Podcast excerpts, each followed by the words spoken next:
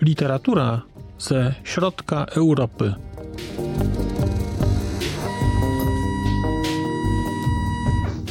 Podcast około książkowy.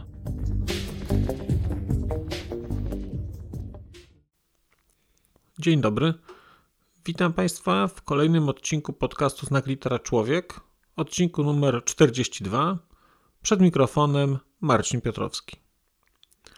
Odcinek 42, tak, tak, to nie pomyłka.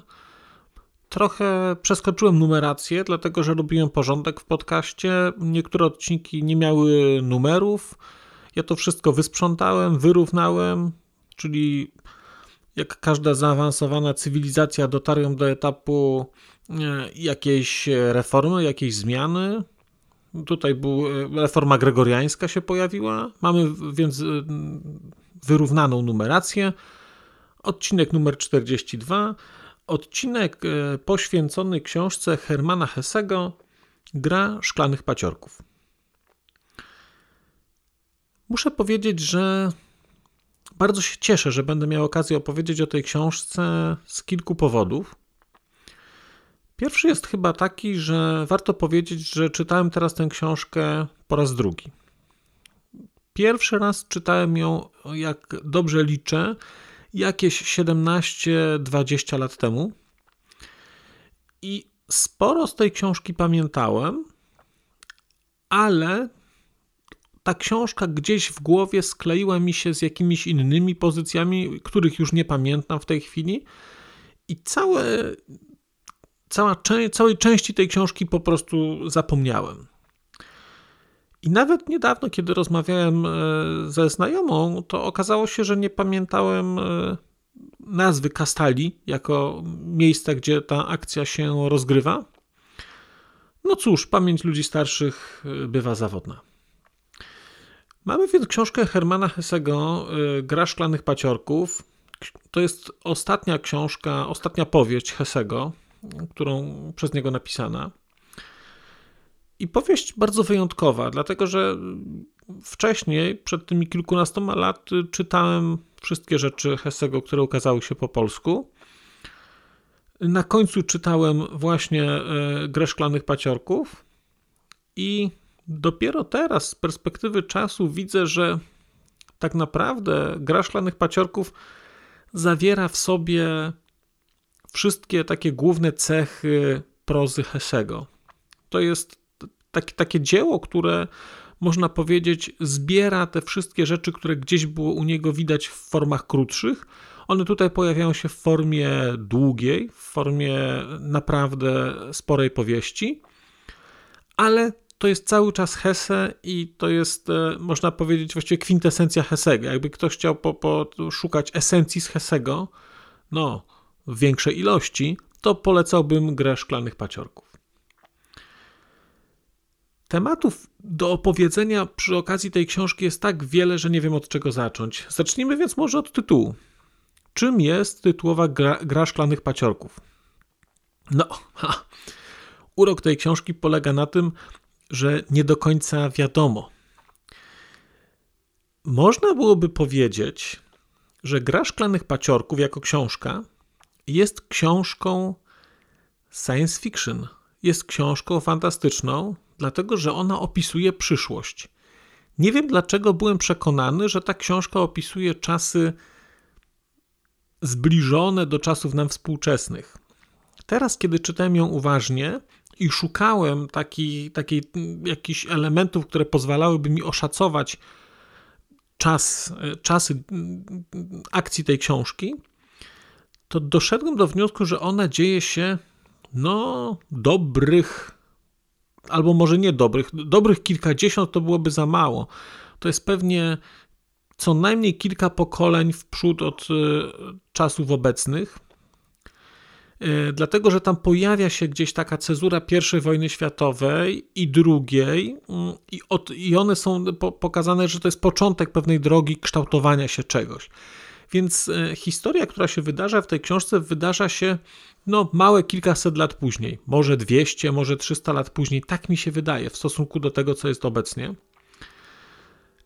Więc można byłoby rzec, że jest to książka fantastyczno-naukowa. Ona mówi o przyszłości. Jest też fantastyczno-naukowa w tym sensie, że mówi o świecie, którego nie ma, no ale jakby powiedzieć, że Hesse napisał science fiction, czy fantasy, czy jakąś historię, no, fantastykę, to myślę, że nie, nie wiem, czy miłośnicy Hessego nie poczuliby się urażeni. Mamy więc grę szklanych paciorków. Gra szklanych paciorków, mimo że stanowi o istocie tej książki i pojawia się bardzo często, nie jest wprost definiowana. Jeżeli Państwo będziecie tę książkę czytać, do czego Państwa bardzo zachęcam, to odkryjecie, że tak naprawdę definicję tej gry, czy to, czym ona jest, będziecie musieli sobie sami stworzyć.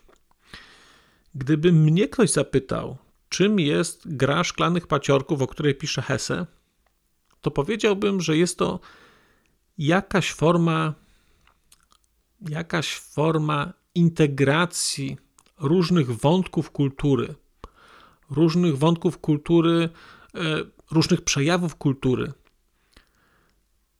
Formy, jakaś forma integracji, jakaś forma szukania części wspólnej, jakaś forma nakładania na siebie tych rzeczy, szukania wpływów, szukania przenikania się rzeczy,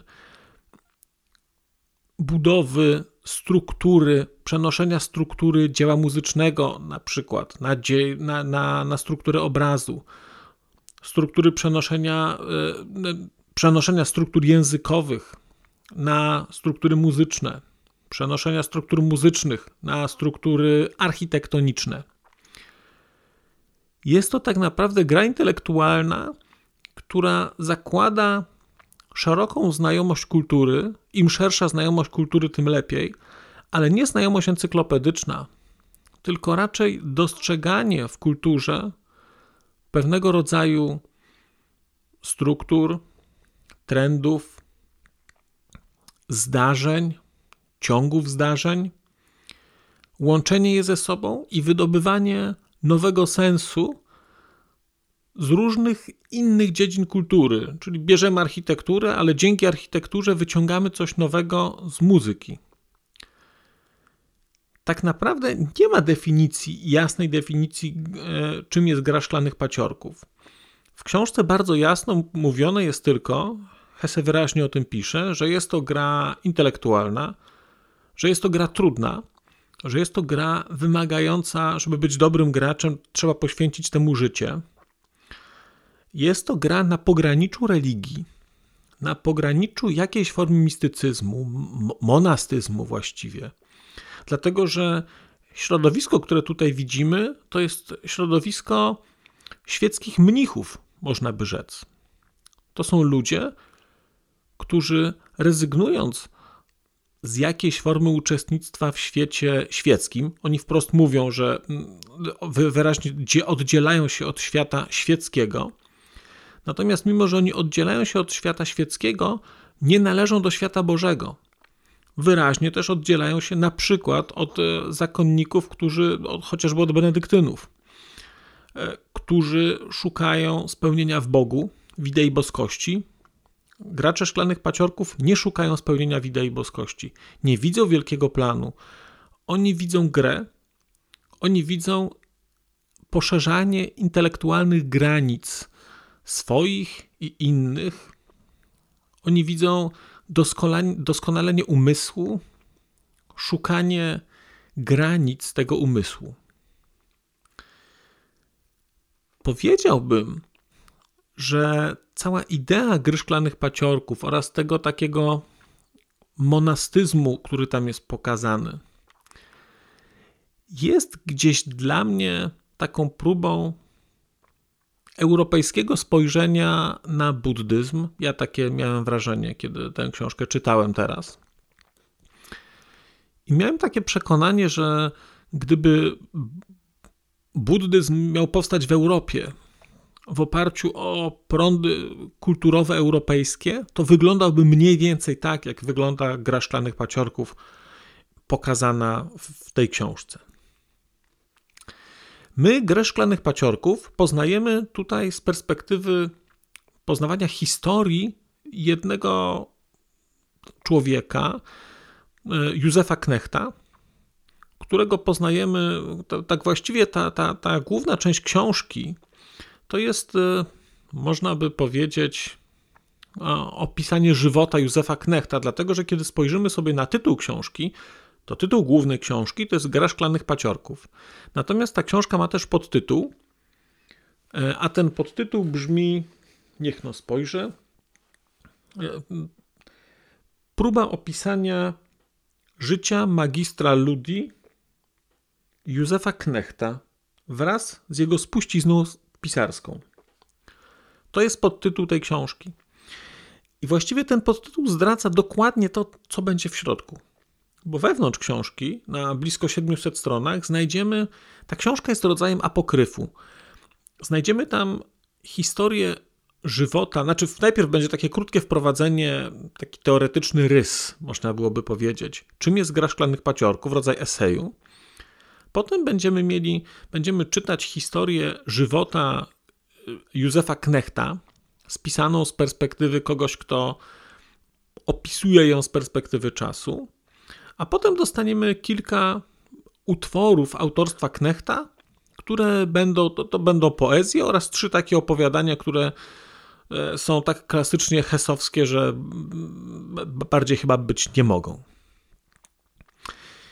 I tak naprawdę my ten świat szklanych paciorków, świat graczy szklanych paciorków, cały świat y, opisany w tej książce, poznajemy z perspektywy właśnie Józefa Knechta.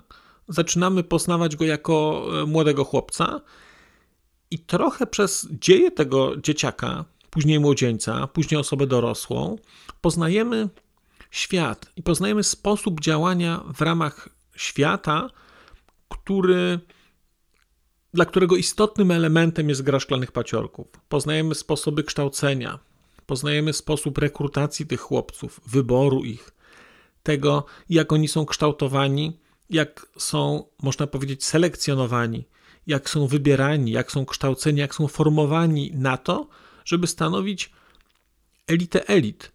Bo gracze szklanych paciorków w świecie, który tutaj znamy, to jest elita elit, to są ludzie, którzy są tak elitarni, że nawet nie funkcjonują w realnym świecie, żyją tylko w swoim świecie, w takim mini księstewku, w takiej mini prowincji, której jedynym celem jest właściwie tworzenie nowych gier, tworzenie nowego wsadu kulturowego, próba redefinicji, ciągłej redefinicji sposobów kształcenia w innych częściach kraju, świata. Wspomniałem już o apokryfie, że to jest apokryf, że on opisuje żywot i tak dalej. E, zacząłem mówić już o grze szklanych paciorków i ten wątek będzie się gdzieś tutaj e, pojawiał. I kiedy ja sobie jeszcze o tej grze myślałem, zastanawiałem się, jak o niej opowiedzieć. Dlatego, że ta książka, w ogóle czytanie, lektura gry szklanych paciorków jest lekturą bardzo intensywną, przez to, że tak naprawdę nie wiemy, o czym dokładnie jest ta książka. Wydaje mi się, że dla każdego z czytelników gra szklanych paciorków będzie trochę czymś innym. Każdy z czytelników będzie ją definiował i odczytywał w inny sposób, dlatego że ona będzie sumą doświadczeń kulturowych, które mamy. Przyznam, że byłem zaskoczony y, czytając tę książkę teraz, E, byłem zaskoczony tym, jak mogłem ją czytać lat temu, blisko 20, i że ona mi się podobała, bo wydaje mi się, że byłem wtedy kompletnym idiotą. Nie to, żebym był teraz jakoś znacząco mądrzejszy, ale jednak jestem mądrzejszy o kilkadziesiąt, kilkaset przeczytanych książek, o ileś rozmów, o ileś doświadczeń. Mam wrażenie, że teraz pewnie mam wrażenie, że z tej książki wyciągnąłem więcej i wydaje mi się, że jeszcze więcej pewnie zrozumiem, jeżeli przeczytam ją sobie za kolejnych 20 lat, jeżeli dożyję. Lektura Gry Szklanych Paciorków to jest trochę przebywanie w świecie zapachu, w świecie zapachu informacji, w świecie zapachu kultury. Tutaj nic nie jest wprost powiedziane. wszystko jest posmakiem, wszystko jest zapachem, wszystko jest na granicy takiej delikatnej woni, którą musimy sami wychwytywać, iść za nią i wkładać e, w jej rozumienie, własne rozumienie e, kultury. Kiedy ja na to patrzyłem, mi gra szklanych, szklanych paciorków jakoś kojarzyła mi się z takimi klasycznymi sesjami kabalistycznymi, y, gdzie mm, pokazany jest, e, ja miałem okazję uczestniczyć w takich, e, w takich sesjach gematrii, e, gdzie ktoś prowadził wykład i przechodził przez poszczególne, nie wiem jak to powiedzieć, ciągi logiczne, myślowe, takie, takie geometryczne, gdzie była liczona wartość geometryczna słów, były robione te wszystkie mm, obliczenia, były przestawiane, z tego rzeczy były wyciągane. I, i to, był jeden, to był jeden ciąg taki. Ale prawdziwa gra szklanych paciorków wydarzyłaby się wtedy, gdyby na to nałożyć jeszcze coś, gdyby na to nałożyć na przykład muzykę, gdyby na to nałożyć rytm miasta, gdyby na to nałożyć rytm poezji, na przykład XIV-wiecznych, XIV-wiecznej poezji francuskiej. Wtedy to ta, ta baza, którą byłaby na przykład jakieś przemyślenia geometryczne czy rozważania geometryczne, wtedy nabrałyby charakteru gry szklanych, mm, gry szklanych paciorków. Mam takie wrażenie, że jeżeli słuchacie Państwo tego podcastu, to jest tak, że wy też jesteście graczami y, i też gracie w grę szklanych paciorków, tak jak ja. Nie jesteśmy mistrzami w tej grze, jesteśmy amatorami, dlatego że nie byliśmy kształceni. Ale wydaje mi się, że każda osoba, która interesuje się kulturą, która interesuje się naukami humanistycznymi, która stara się te rzeczy połączyć, zrozumieć, znaleźć w nich coś większego, poszukać wzorców, przenieść te wzorce, robi dokładnie to, o czym pisze Hesse. I właśnie my jesteśmy graczami szklanych paciorków, to my gramy w tę grę, mimo że nikt nas jej nie uczył, dlatego że granie w tę grę jest, mam wrażenie, immanentną cechą bycia w pełni człowiekiem, bycia humanistą, dostrzegania pewnych rzeczy, pewnych wartości kulturowych, które są szersze, które są ogólne, które są, e, które są ogólnoludzkie, a które jednakowoż są gdzieś pozbawione e, takiego klasycznie rozumianego waloru, mm, waloru boskości. To jest e, myślenie kategorią świecką jednak tutaj. Istotnym elementem, bardzo istotnym elementem książki Hessego jest muzyka. Kształcenie przyszłych graczy, paciorków, e, jest kształceniem opartym o muzykę. I tutaj są pięknie opisane fragmenty różne muzyczne. Ja niestety jestem zbyt ograniczony muzycznie, żeby wszystkie je rozpoznać, opisać. Musiałem szukać poszczególnych utworów, dlatego że nie potrafiłem sobie w stanie ich, nie byłem w stanie ich sobie wyobrazić, usłyszeć, bo, bo ich po prostu nie znałem.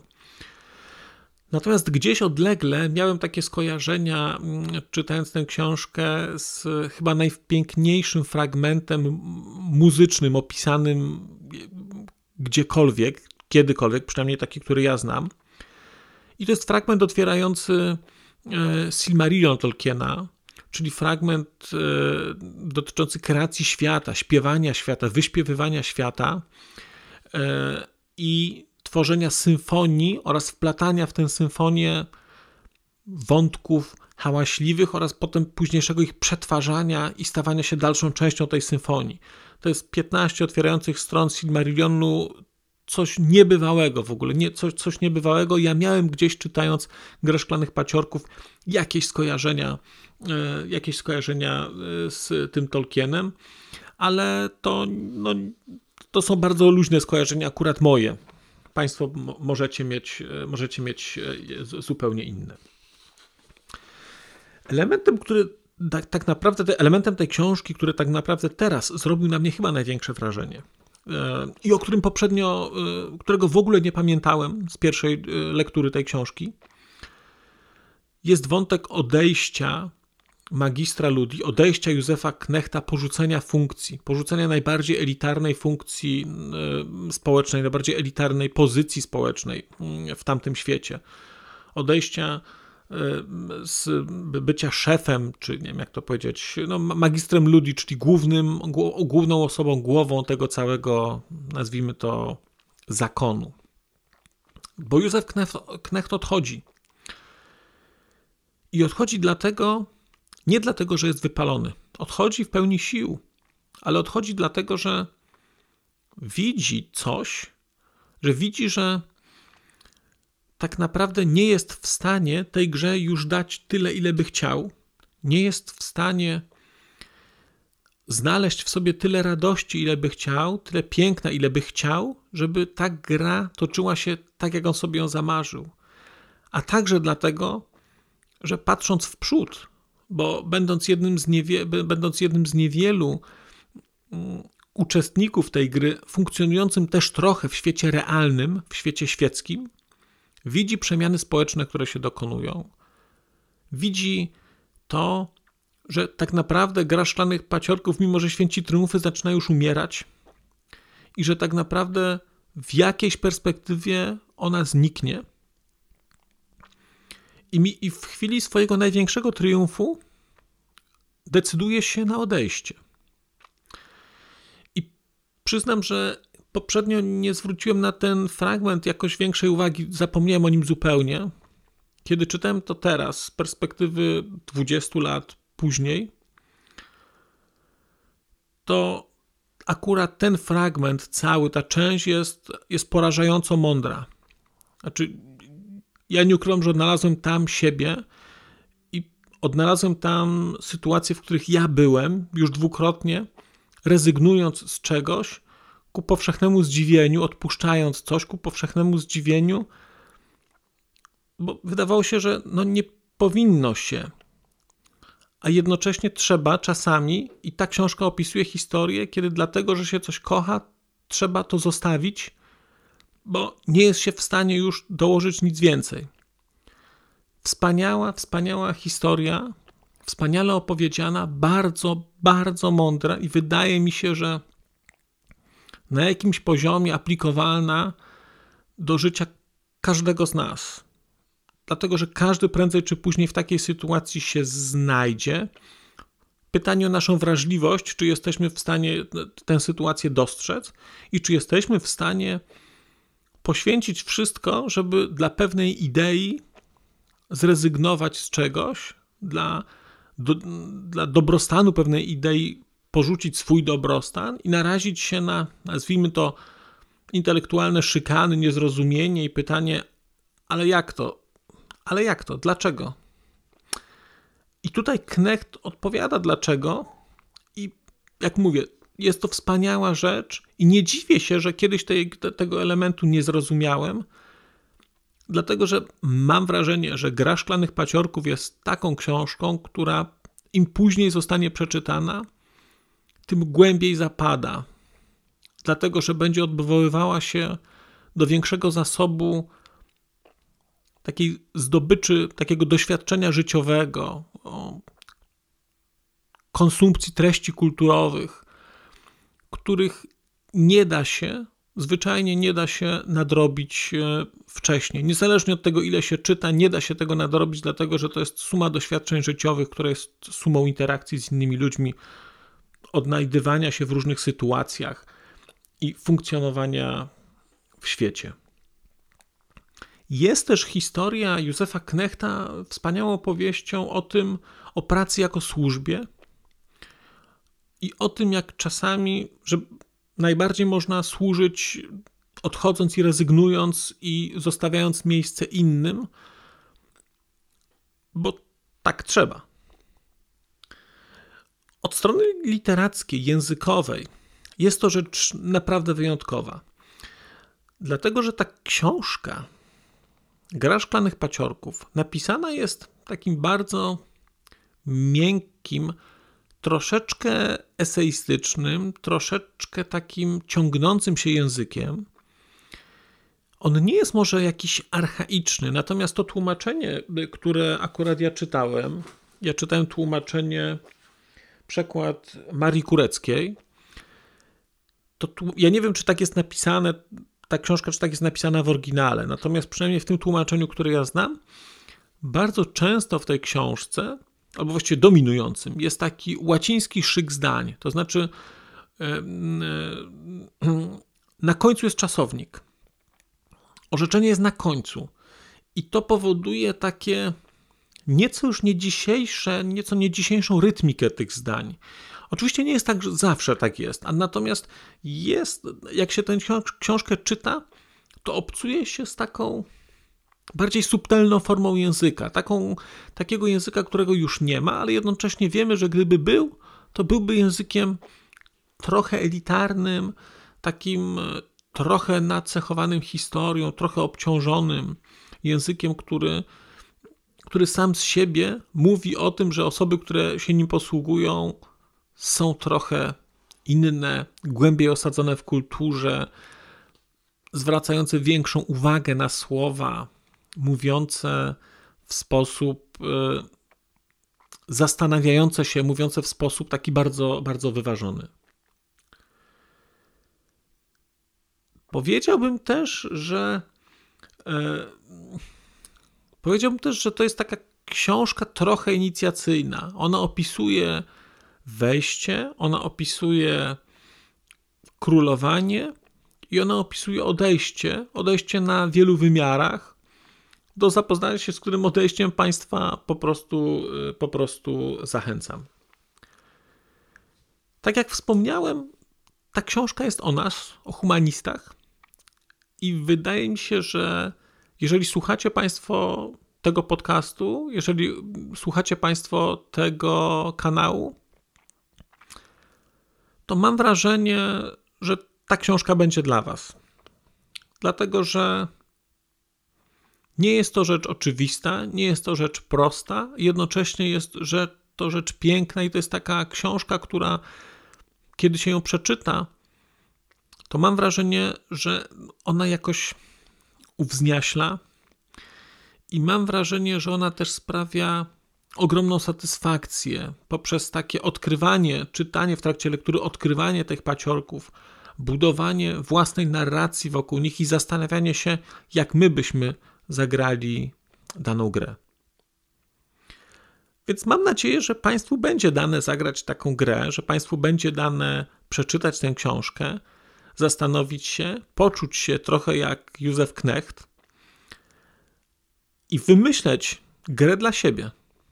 Bo naprawdę, naprawdę warto, bo jest to rzecz unikalna i jest to kwintesencja europejskości, takiej szeroko rozumianej europejskości, która obejmuje sobą także elementy filozofii, także elementy filozofii wschodniej. Bardzo Państwa do tej lektury zachęcam. Tymczasem dziękuję za uwagę. Bardzo dziękuję, że Państwo dosłuchaliście do tego momentu. To naprawdę wspaniałe. I cóż, żegnam się z Państwem tymczasem, ale powrócę za czas jakiś. Do usłyszenia.